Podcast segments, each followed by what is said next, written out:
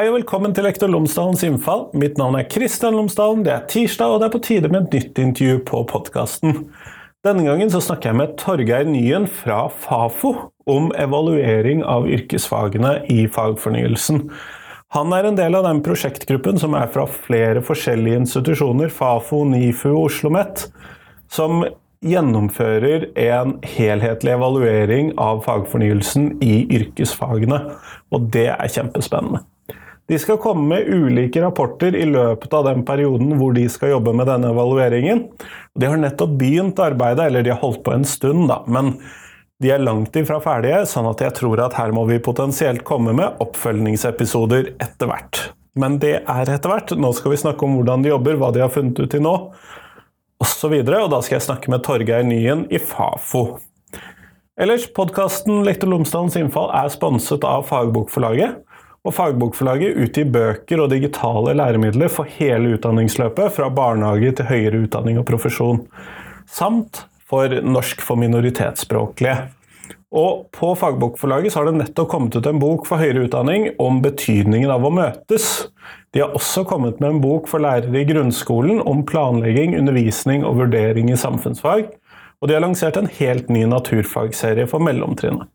Og så er det ikke sikkert at det er de tingene du er mest interessert i, men jeg er sikker på at hvis du går inn på fagbokforlaget.no, så finner du læremidler og bøker for det aller meste som du vil være interessert i.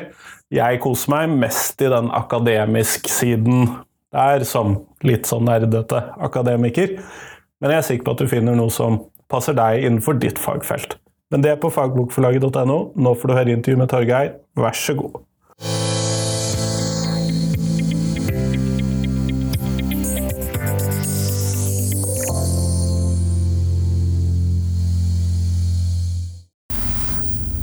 Torgeir Nyen, tusen takk for at du har tatt deg tid til meg i dag. Jo, bare hyggelig. Hyggelig å bli invitert. Før vi kommer litt sånn ordentlig i gang med samtalen, så hadde jeg håpet at du kunne fortelle lytterne mine tre ting om deg selv, sånn at de kan få bli litt bedre kjent med deg. Ok, du forteller om det blir tre, da, men jeg kan i hvert fall si at jeg eh, jobber som forsker på eh, Fafo. Og jobber mest med forskning innenfor fag- og yrkesopplæring. Litt eh, utdanningspolitikk generelt, og litt også voksnes læring. Jeg bor i Oslo, kommer fra Asker opprinnelig. Er statsviter av utdanning, så jeg er, ikke, jeg er ikke pedagog. Men jeg er også interessert i i, eh, i, yrkesfag som, som fag, da, og også interessert i selve kompetansen som ligger i, i yrkesfagene. Så, eh, ja, så jeg er egentlig veldig engasjert i, i yrkesfag. Både, eh, både fordi jeg er litt fascinert av den kompetansen som ligger i et fag. Altså, det har på en måte Eh, det har litt like strekk Der hvor det fungerer best, er det litt like strekk med en profesjon. Det, en, det, ligger en yrkesstolthet, det ligger en faglig identitet. Det, det er et slags faglig fellesskap på en måte man, man tilhører. Og det er interessert, ja, interessert i den kombinasjonen også av det teoretiske og praktiske. Eh, nå er vel eh, det er vel kanskje slutt på at man, man, tror at yrkesfag er bare noen snevre praktiske ferdigheter. Det er på en måte en, en full pakke av både teoretiske og praktiske ferdigheter satt sammen. Eh, teoretisk kunnskap og praktiske ferdigheter satt sammen. Og så er jeg også interessert i det fordi det eh, betyr noe sånn samfunnsmessig. Altså det bygger opp under et samfunn hvor, man, hvor kompetanse verdsettes og betyr noe. Og ikke bare den akademiske høyere utdanningen, men også kompetanse av annen type og på annet nivå. Da. Så, så, jeg tenker at det også betyr noe for, for, eh, ja, for et, si, et egalitært samfunn at vi, vi har, har, et godfungerende yrkesfag. Jeg vet ikke om det var tre, men kanskje det var eh, to? Jeg, jeg tror det var tre. men kjempeflott. Og du har jo fokusert mye på yrkesfag i introduksjonen din nå, og det er jo det vi på mange måter skal konsentrere oss om i dag. Du er jo med i en prosjektgruppe som skal evaluere fagfornyelsen i yrkesfagene. Og tidligere så har jeg hatt en episode om eh, fagfornyelsen i grunnskolen på podkasten. Men eh, kunne du fortelle mer om det prosjektet som du er en del av? Ja, det kan jeg godt gjøre. Det er jo, eh, som du sier, så, så er jo er det jo, skal jo også fagfornyelsen implementeres i yrkesfagene.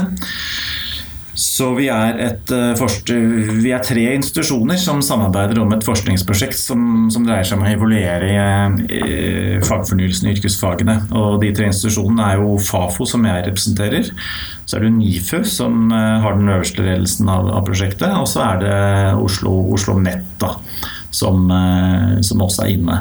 Så vi ser jo da på hele spekteret av, eh, av, problemstillinger. Altså vi, har, eh, vi har delt opp evalueringen i fem arbeidspakker, hvor, hvor den første handler om styring og iverksetting, som går med på prosessen for, for iverksetting, og, og, se litt på hvilke liksom, på måte, styringsrelasjoner Blir de endret, liksom? Blir, blir, det endret hvem som styrer ulike ting? Og så er man da har lagt til rette for at disse tingene kan innføres, da, rett og slett? Ja, ja blant, blant, annet. Jeg kan si litt mer om det seinere. Og så har vi da et eh, delprosjekt som går på, eller en arbeidspakke som går på det yrkesdidaktiske. Altså hva, hva betyr dette for eh, hva, hva tenker lærere at dette betyr for det didaktiske grunnlaget for deres undervisning. Og, og så har vi da lærernes eh, Tredje pakke er lærernes og, og, elevenes erfaringer. En fjerde er uh, hvilken relevans dette har for arbeidsmarkedet. altså Endrer dette noe slik at yrkesfagene får mer eller mindre relevans sett fra arbeidslivets side? Og så er det mer en overordnet pakke hvor vi også ser på, på gjennomføring og ja, sånn med sånn syntese av, av alt, det, alt, det, øvrige. Da. Så må jeg også si at jeg eh, Nå sitter jeg her kanskje og tar æren for hva mange av mine kolleger har gjort. Da. Det er ikke jeg som har vært hovedmann på den første rapporten vi har levert, men, eh, men jeg er jo en del av, av gruppen da, og har, har sånn overordnet prosjektansvar her på Fafo. Nettopp. Og det blir det jo ofte når det er flere kokker om samme ja, prosjekt. sant det. Men jeg vil ikke ta æren for det mange av mine kolleger har gjort mer arbeid for. Da. Uh, og jeg ser jo det, for du sa jo det, Dere har jo allerede levert én rapport, det er på den første arbeidspakken. Men kunne du si litt mer om hva som har vært tenkt på styring og iverksetting utover det du sa i introduksjonen? Fordi at det syns jeg da er litt interessant. Ja, Eh, jeg kan kanskje starte med å si at når det gjelder fagfornyelsen i yrkesfag, så eh, kan man kanskje litt forenkle si at det er to, to, elementer, på en måte to prosesser som har ledet fram til fagfornyelsen i yrkesfag. og Det ene er på en måte den generelle, generelle fagfornyelsen med, lidut, med ikke lidut, nå, nå, står det stille her, Ludvigsen-utvalget, og, og liksom prosessen videre der. og Nytt kompetansebegrep og, og dybdelæring. Og, og, det har jo eh, ført til endringer i læreplaner og endringer i den generelle delen, som også eh, skal eh, presumptivt påvirke fagopplæringen. Men i tillegg så har det jo vært en prosess med å endre struktur i yrkesfagene. Som du som Jeg hørte du underviser jo på, på yrkesfag, og det har jo vært en del endringer. Du har tre nye VG1 Eh, tre nye VG1-utdanningsprogram, og du har en god del endringer på, på andre året på VG2-nivået. Så de strukturendringene er jo kanskje noe som er, har mer direkte endret yrkesfag, eh, og, og som framstår som større enn en det som går på den mer generelle delen. Og dette er jo Så, endringer som kan oppfattes som større enn mange av de endringene som er kommet på fellesfagene og på studiespesialiserende. fordi at eh, Absolutt.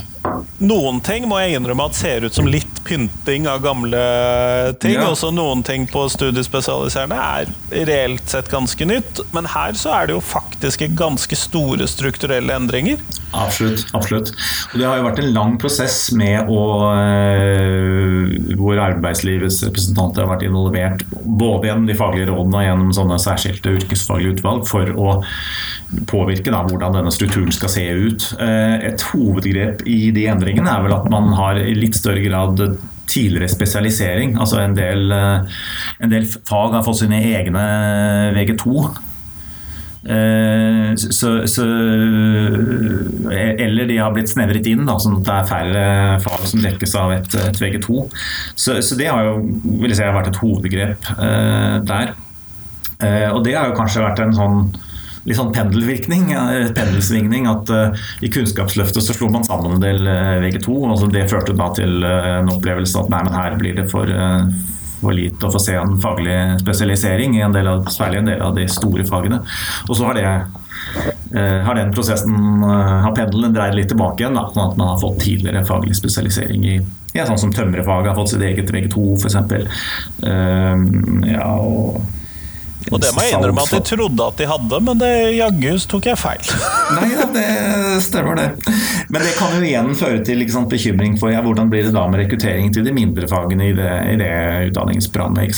og du har innen, uh, innen uh, salg, service og, reiseliv ikke sant, har du også forandringer som går litt i retning av, av litt tidligere spesialisering da, mot særlig de større fagene. Så, men, ja, så, så er, men, men, prosessen her, hvordan man sett, det er jo da særlig NIFU som har sett på studert den prosessen. Uh, så jeg har ikke vært direkte involvert i intervjuene der. Men uh, det har jo vært altså I stor grad så, så jeg, har det vært sånn at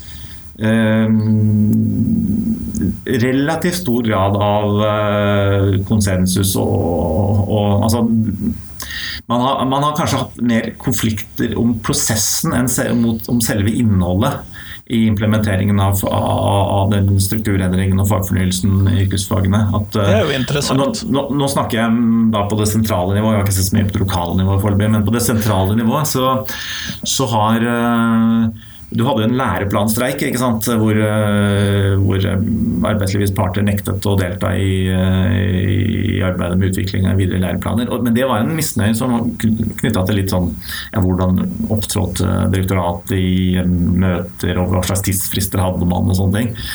Eh, og det førte til at liksom den diskusjonen ble løfta opp på, på liksom sentralt nivå i, i Samarbeidsrådet for yrkesopplæring. Eller, eller ble løfta opp også til en diskusjon med Kunnskapsdepartementet og partene.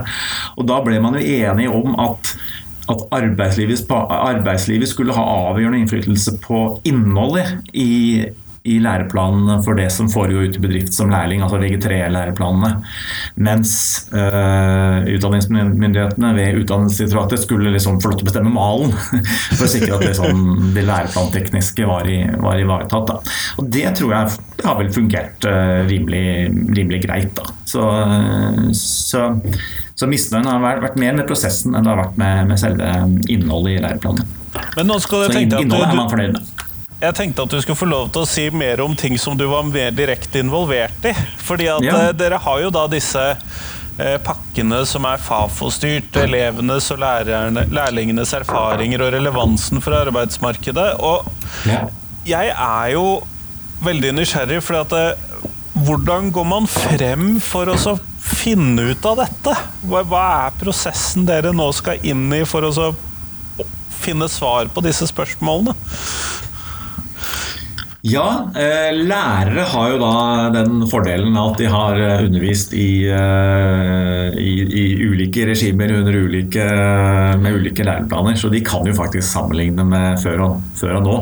Og de kan jo gi uttrykk for hva, hva er dette hvordan alle sånne læreplansendringer og sånn må jo fortolkes av lærere.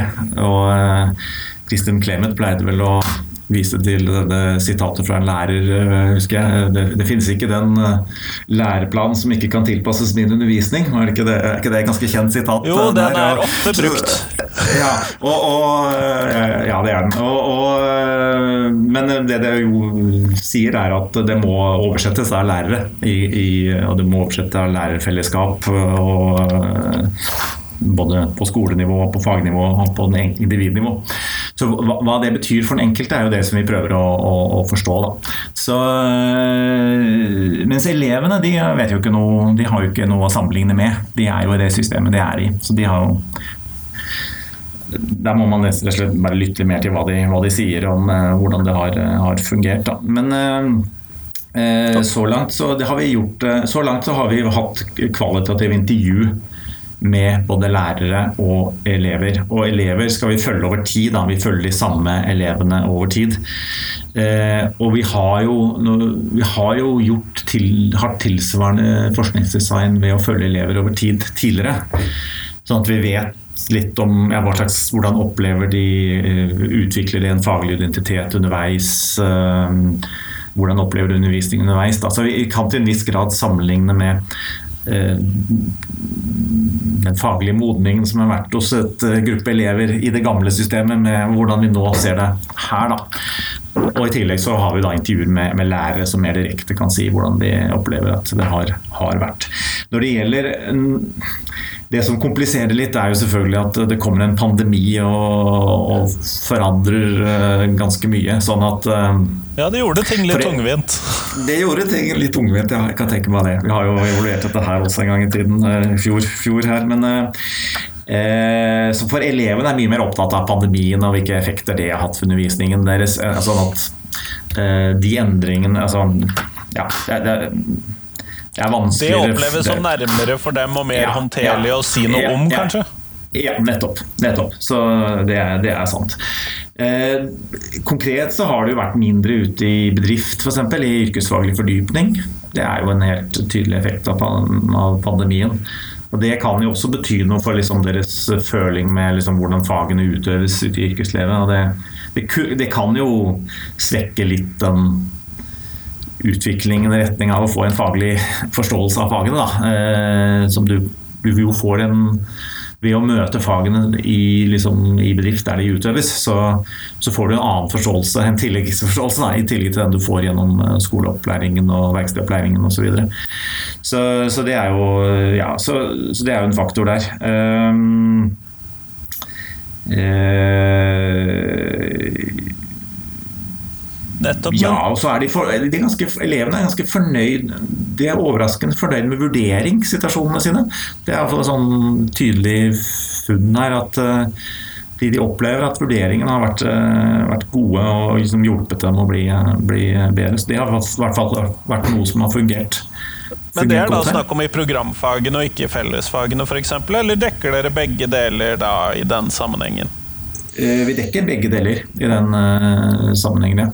Nå har jeg ikke helt klart for meg akkurat om det her er forskjeller mellom fellesfag og, og programfag, men, eh, men eh, hovedbildet er i hvert fall at jeg er fornøyd med den vurderingssituasjonen.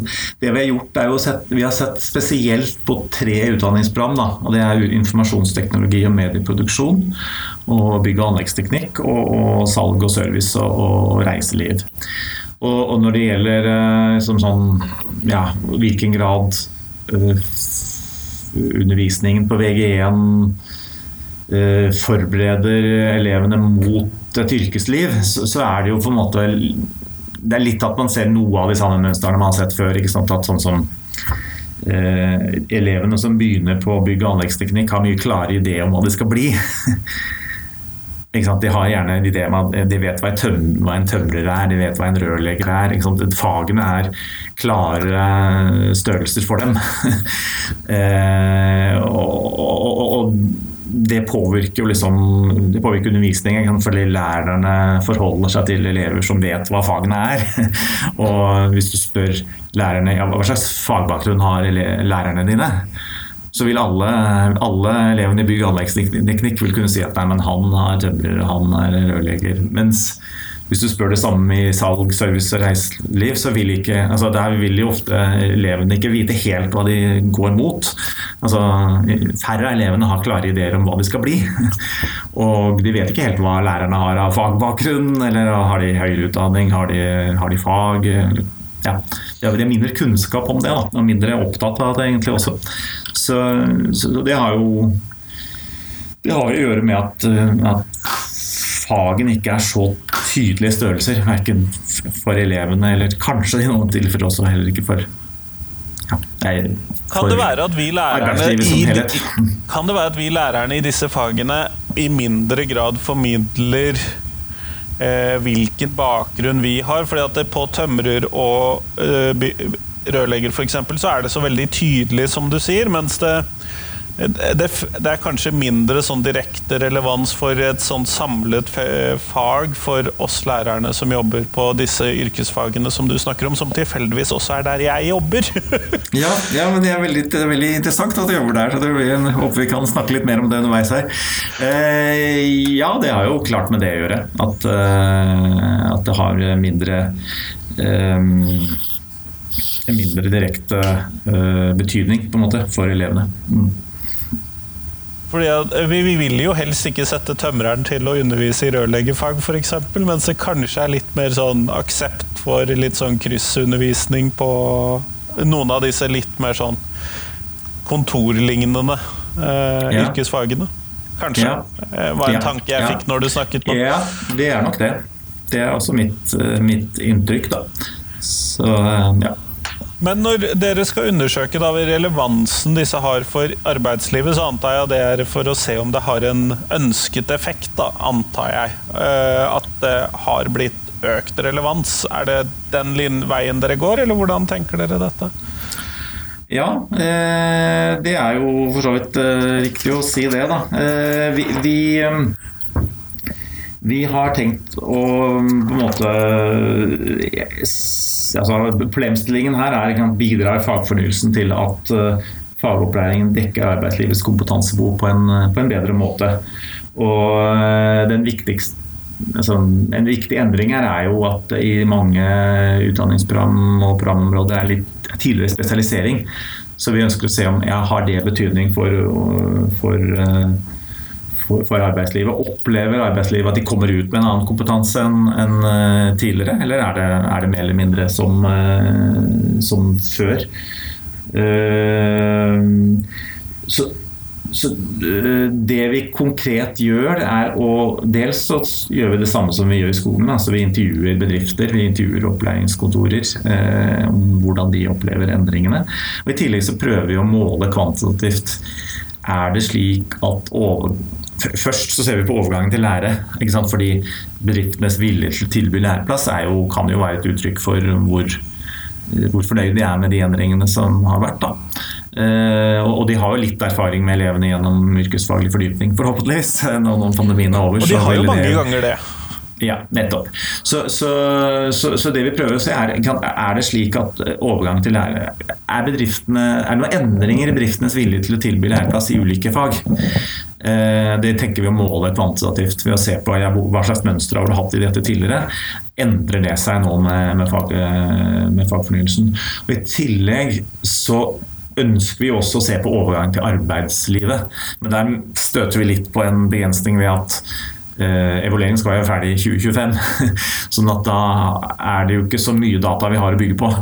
Eh, siden de, første, altså de første kommer ut i lære nå til høsten. sånn at eh, de vil jo ikke være Det er ikke mange som er ferdig med fagbrev innen vi skal være ferdig med evalueringen, så vi får litt kort tid til å studere det siste. da. Men vi vil i hvert fall se på overgangen til lære ganske grundig, altså se på om, om det er, eh, skjer endringer der. Og en, en viktig liksom, eh, viktig eh, dilemma her er jo når du har tidligere spesialisering, eh, så eh, så kan jo faren være at du marginaliserer noen av de litt mindre fagene innen de programområdene, fordi de synliggjøres ikke så, så godt i strukturen. Nei, de kan jo Eh, drukne litt. De kan drukne litt. Så, så du kunne jo En hypotese kunne jo være at, eh, at de store fagene blir mer fornøyd, eller representanten for de store fagene blir mer fornøyd fordi du får en tidligere spesialisering. Eh, Du får, du, kanskje du får ut eh, bedre lærlinger, bedre fagarbeidere, fordi de har kunnet bruke mer tid på å spesialisere seg på sitt fag. Men så kan du tenke deg at eh, de mindre fagene blir misfornøyd, mer misfornøyd fordi de får en dårligere rekruttering inn til sine fag. Så akkurat sånne eh, Vi kan ikke vi har ikke empiri nok til å si at verken det ene eller det andre har skjedd per nå. Da. Eh, Men til den neste rapporten, som kommer sommeren eh, 2023, så vil vi å, så, så har vi litt data på den første overgangen til lære. Og da vil vi kunne se litt mer på den typen eh, prosesser. Da. Om, eh, er det sånn at betongfaget blir eh, skadelidende av at tømrer får sitt eget, eh, eget VG2, f.eks. For å ta et konkret, konkret eksempel. Og dette er jo ting som jeg som da står utenfor disse fagene, virkelig ikke visste at var problemstillinger engang, må jeg innrømme. nei, men det er spennende. Det er interessant. ja.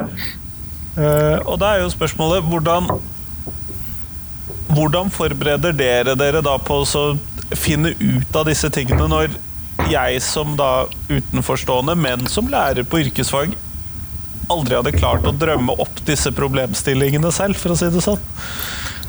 Eh, ja, eh, noe er jo å snakke med, snakke med elever, snakke med lærere, snakke med, med mm, bedrifter. Men eh, som du sier, hvis eh, man ikke har drømt om det selv, så er kanskje ikke det nok. Men man ser jo også på strømmene. Da. Altså, man ser jo på eh, hvor mange elever søker seg til ulike VG2-kurs, hvor mange begynner, hvor mange går over til lære. Altså de, hva tenker de om yrkes- og utdanningsvalg? Sånn at det, Dels kvalitative data gjennom intervju, dels kvalitative data gjennom å se på hvor strømmene, strømmene går hen. Men også på, på sånn Salg, service, og reiseliv er jo et av de områdene vi ser på. og Der har du også tidligere spesialisering, kan du si. Iallfall at det er en innsnevring som begynner litt tidligere. Da. Sånn som salg som som ikke har sitt eget VG2, men, men som har i hvert fall et, det er et snevrere VG2 da, enn det var, var tidligere. Uh, og det kan jo i prinsippet gi mulighet for å starte en liksom, spesialisering litt tidligere. Kanskje man kan f.eks. Uh, uh, Jeg har jo hørt om opplegg innen salgsfag hvor man veldig tidlig starter med et mer sånn integrert opplegg hvor du trekker inn bedrifter som er veldig engasjert i faget, til å eh, ja, sånn, at du, du, du, samarbeider ganske tett med bedriften om hvilke deler av opplæringen skal bedrift og eh, skole gi. Og at det kan på en måte skape en sterkere liksom, identifikasjon at ja, men dette er et, et fag, et yrke jeg har lyst til å, å gå ut i, og at faget, faget betyr noe. da. Og, og, dette er vel nettopp den typen sider ved fagfornyelsen som dere i større grad kan oppdage ved disse kvalitative intervjuene med lærere, da vil Absolutt. jeg tro. Absolutt. Så vi er veldig, veldig interessert i å se hvordan er det faktisk opplæringen foregår. Både, både, i det store, hvordan er det liksom strukturert, men også i det små. Liksom, hvilke valg gjør lærerne i, i klasserommet.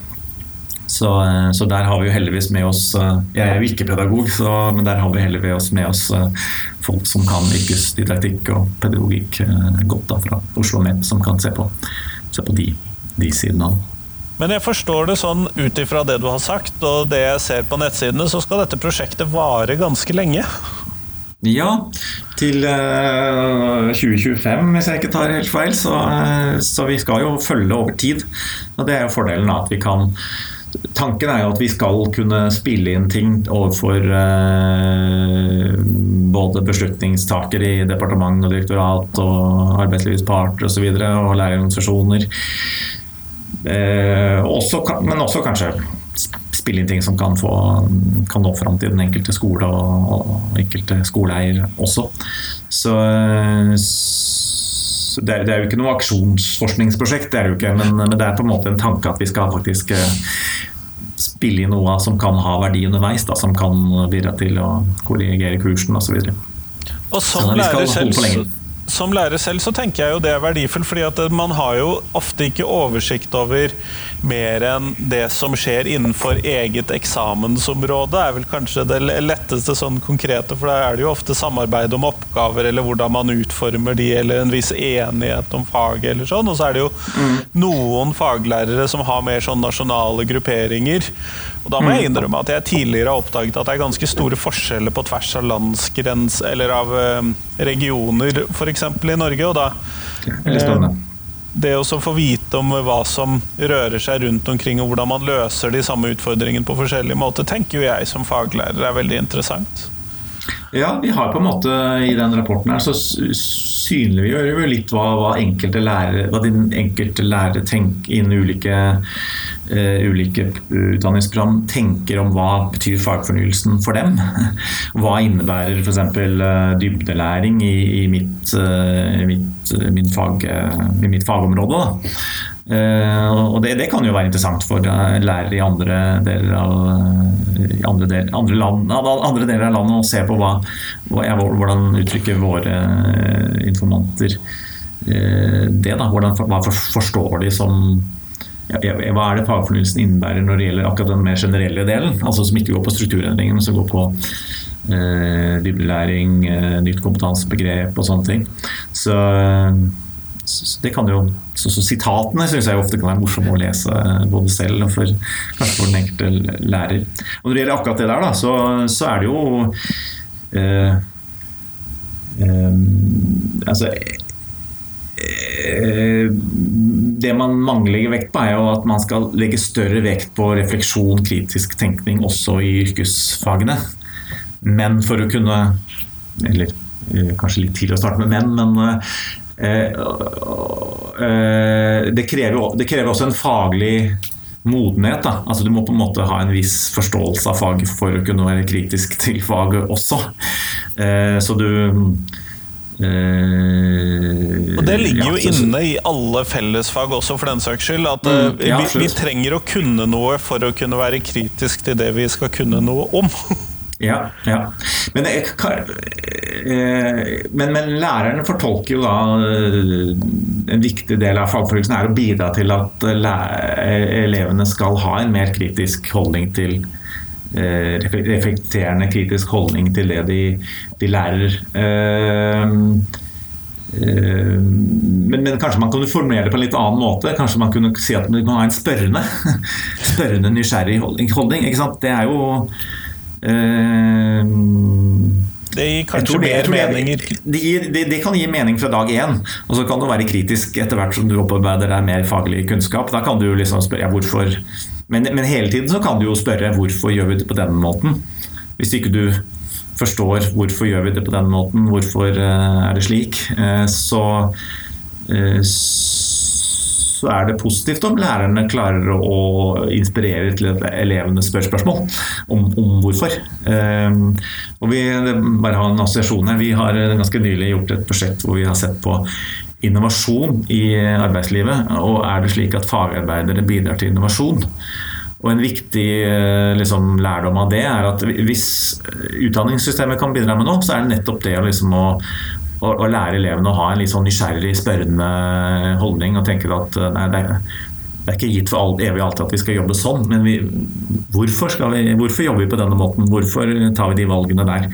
Uh, at den liksom, ja, nysgjerrige, spørrende, kritiske holdningen er noe som kan være viktig for å utvikle gode fagarbeidere som, som jo ikke nødvendigvis skal gjøre det samme de har gjort alltid gjennom hele yrkeslivet. Høyst sannsynlig så skal de endres, endre seg. Og, og, og, de kan spille en ganske viktig rolle i å endre prosesser i, eh, i de, eh, på de arbeidsplassene de er ute i. da. Nettopp, nettopp. fordi det er, som du sier, det er jo ikke gitt at de samme arbeidsmetodene gir like mye mening i, i nye tider med nye materialer eller nye rammevilkår eller et eller annet. For ting endrer ja. seg jo. Ja. ja. Nei, man må jo på en måte Fagene skal jo endre seg, og når du har en fagopplæring fra noen år tilbake, så må du jo liksom endre deg i takt med, med faget. Du må jo lære deg, noen, lære deg nye ting, men forhåpentligvis har du med deg som en ballast som og kommer inn i arbeidsroller i yrkeslivet som stimulerer til at du lærer deg nye, nye ting. Da. Nettopp. Hvordan eh, tenker man at man skal distribuere den kunnskapen dere opparbeider dere, da, ut igjen til fagmiljøet? Er det lagt noen tanker rundt det? Fordi at eh, det tenker jo jeg er viktig eh, som lærer. Ja. Um, der må jeg si at vi har jo en del uh, vi har en del måter å gjøre det på. Jeg har ikke full oversikt i hodet over alt vi skal gjøre. Uh, men vi skal jo Eh, dels så skal vi jo bidra med noen populærvitenskapelige artikler. altså skrive, Jeg ser for meg at vi kan skrive i eh, ja, eh, i, i, Diverse medlemsblader hos yes, Utdanningsforbundet og lignende, yes, f.eks.? Yes, yes, men jeg vil ikke navngi dem nå, det vil jeg få se på. Men, men absolutt. Det vil være en viktig måte å nå ut på. I tillegg så øh, vil vi jo kunne delta på seminarer og øh, ja, Jeg har ikke full oversikt over alle sammenhenger vi kan delta i, men, men tanken er å kombinere litt å bidra i skriftlig form i uh, medier som leses av, uh, av lærere, av, uh, av skoleeiere osv. Men også bidra litt på konferanser og forskjellige muntlig formidling. Da. Men, men både til si, beslutningstakere på sentralt nivå, men også til praksis, praksisfeltet. Da. Det er i hvert fall, tanken. Men, eh, men, jeg beklager at jeg, jeg ikke hører noen muligheter for rektorer sånn i 2025 og 2026 til å uh, finne noen navn til å booke til sånne planleggingsdager i begynnelsen av året. ja, vi får se på det. vi kan bidra der. Det hadde vært hyggelig. Det er jo, vi ønsker jo å komme ut med dette, så, så vi ønsker jo ikke å sitte og holde dette for oss selv og skrive akademiske artikler kun. Vi ønsker jo å på en måte nå ut til et bredt publikum med det vi har å bidra med. Mm. Kjempeflott, eh, Torgeir. Du, Vi går mot slutten av podkastintervjuet, og det jeg da vil spørre deg om, som eh, kanskje er mer eller kanskje mindre eh, direkte på dagens eh, hovedtema, men det er jo hva er de tre viktigste tingene som skolen lærer elevene? Oi. Oi, det var et stort spørsmål. Ehm, da, da, tror jeg jeg må svare helt bredt, og ikke bare se på yrkesfagene, som var det jeg kan mest. Da. Uh, nei, uh, lyst til å lære. Altså lære dem på en måte at det er gøy å lære. At man har at, læringslyst. Det, det må være noe av det viktigste. Fordi du kan, ja, du kan ikke lære alt gjennom grunnopplæringa. Du må lære det mer etter hvert. Så det å liksom ha glede av å lære, det må i hvert fall være en grunnting. Eh, Inge Eidsvåg, har vel, eh, som jeg har veldig sans for, han har vel den derre læringens hellige treenighet med, med, motivasjon, konsentrasjon og, og, repetisjon. Og den motivasjonsbiten er jo veldig, veldig viktig. Så tenker jeg at sosial Altså at, at skolen eh, altså på en måte lærer ungdom å ta vare på seg sjøl og andre. og ta vare på altså den, den, sosiale siden av det tror jeg er viktig. At, eh, jeg husker jeg var på eh, Som forelder var jeg på ungdomsskole og, og, som medlem av eh, FAU. Da. Og da husker jeg at da ble jeg litt overrasket over at rektoren på den ungdomsskolen som datteren min gikk på, hun var veldig opptatt akkurat det der. At ok, Eh, litt sånn forenklet sagt, så De faglige tingene, det kan, vi, det kan de lære seg etter hvert. Eh, men hvis du ramler ut helt sosialt, hvis du ikke er en del av et fellesskap, så kan du ødelegge veldig mye. Så, så Eh, og Det var jo da en rektor i Oslo-skolen som jo nettopp har vært veldig opptatt av de faglige kunnskapene. Så, ja, så, så det vil jeg si i hvert fall er viktig. Og så og I tillegg så må det jo være noe med grunnleggende kunnskaper i, eh, i norsk og matte og, alt, alt, det der. Ja. ja men det, eh, det, høres bra ut, Torgeir. Tusen takk for at du ble med på podkasten i dag. Og så er det muligens at jeg er nødt til å sende en ny henvendelse når vi nærmer oss prosjektperiodens slutt.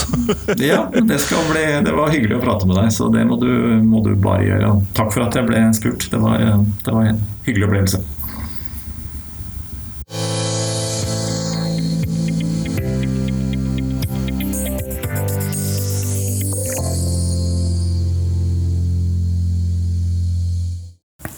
Tusen takk til Torgeir, og tusen takk til deg som hørte på. Nå er det fram til fredag, så kommer det et nytt intervju på podkasten. Og det gleder jeg meg, som vanlig, mye til. Og denne podkastepisoden som kommer på fredag, den er med Torstein Ulstein Kaiser. Han jobber som musikkterapeut eller miljøterapeut eller spesial han driver rett og slett eh, og hindrer frafall gjennom å jobbe med musikk. Så jeg er faktisk litt usikker på hva vi skal kalle han. Han har mange hatter på seg i den jobben han gjør, men det tror jeg du kan glede deg til når den episoden kommer på fredag. Ellers, eh, podkasten Lektor Lomsdalens innfall den baserer seg på at du deler den med noen andre.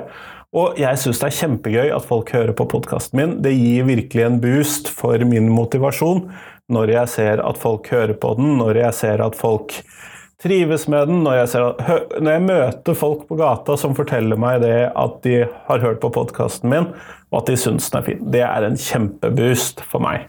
Sånn at jeg tenker det. Del podkasten min med noen du kjenner, så blir jeg utrolig glad. Det er det viktigste man kan gjøre.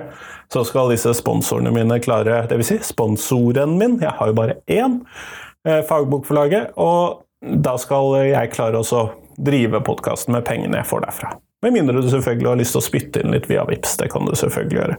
Men nå, nå får du ha en fin uke. Hei, hei.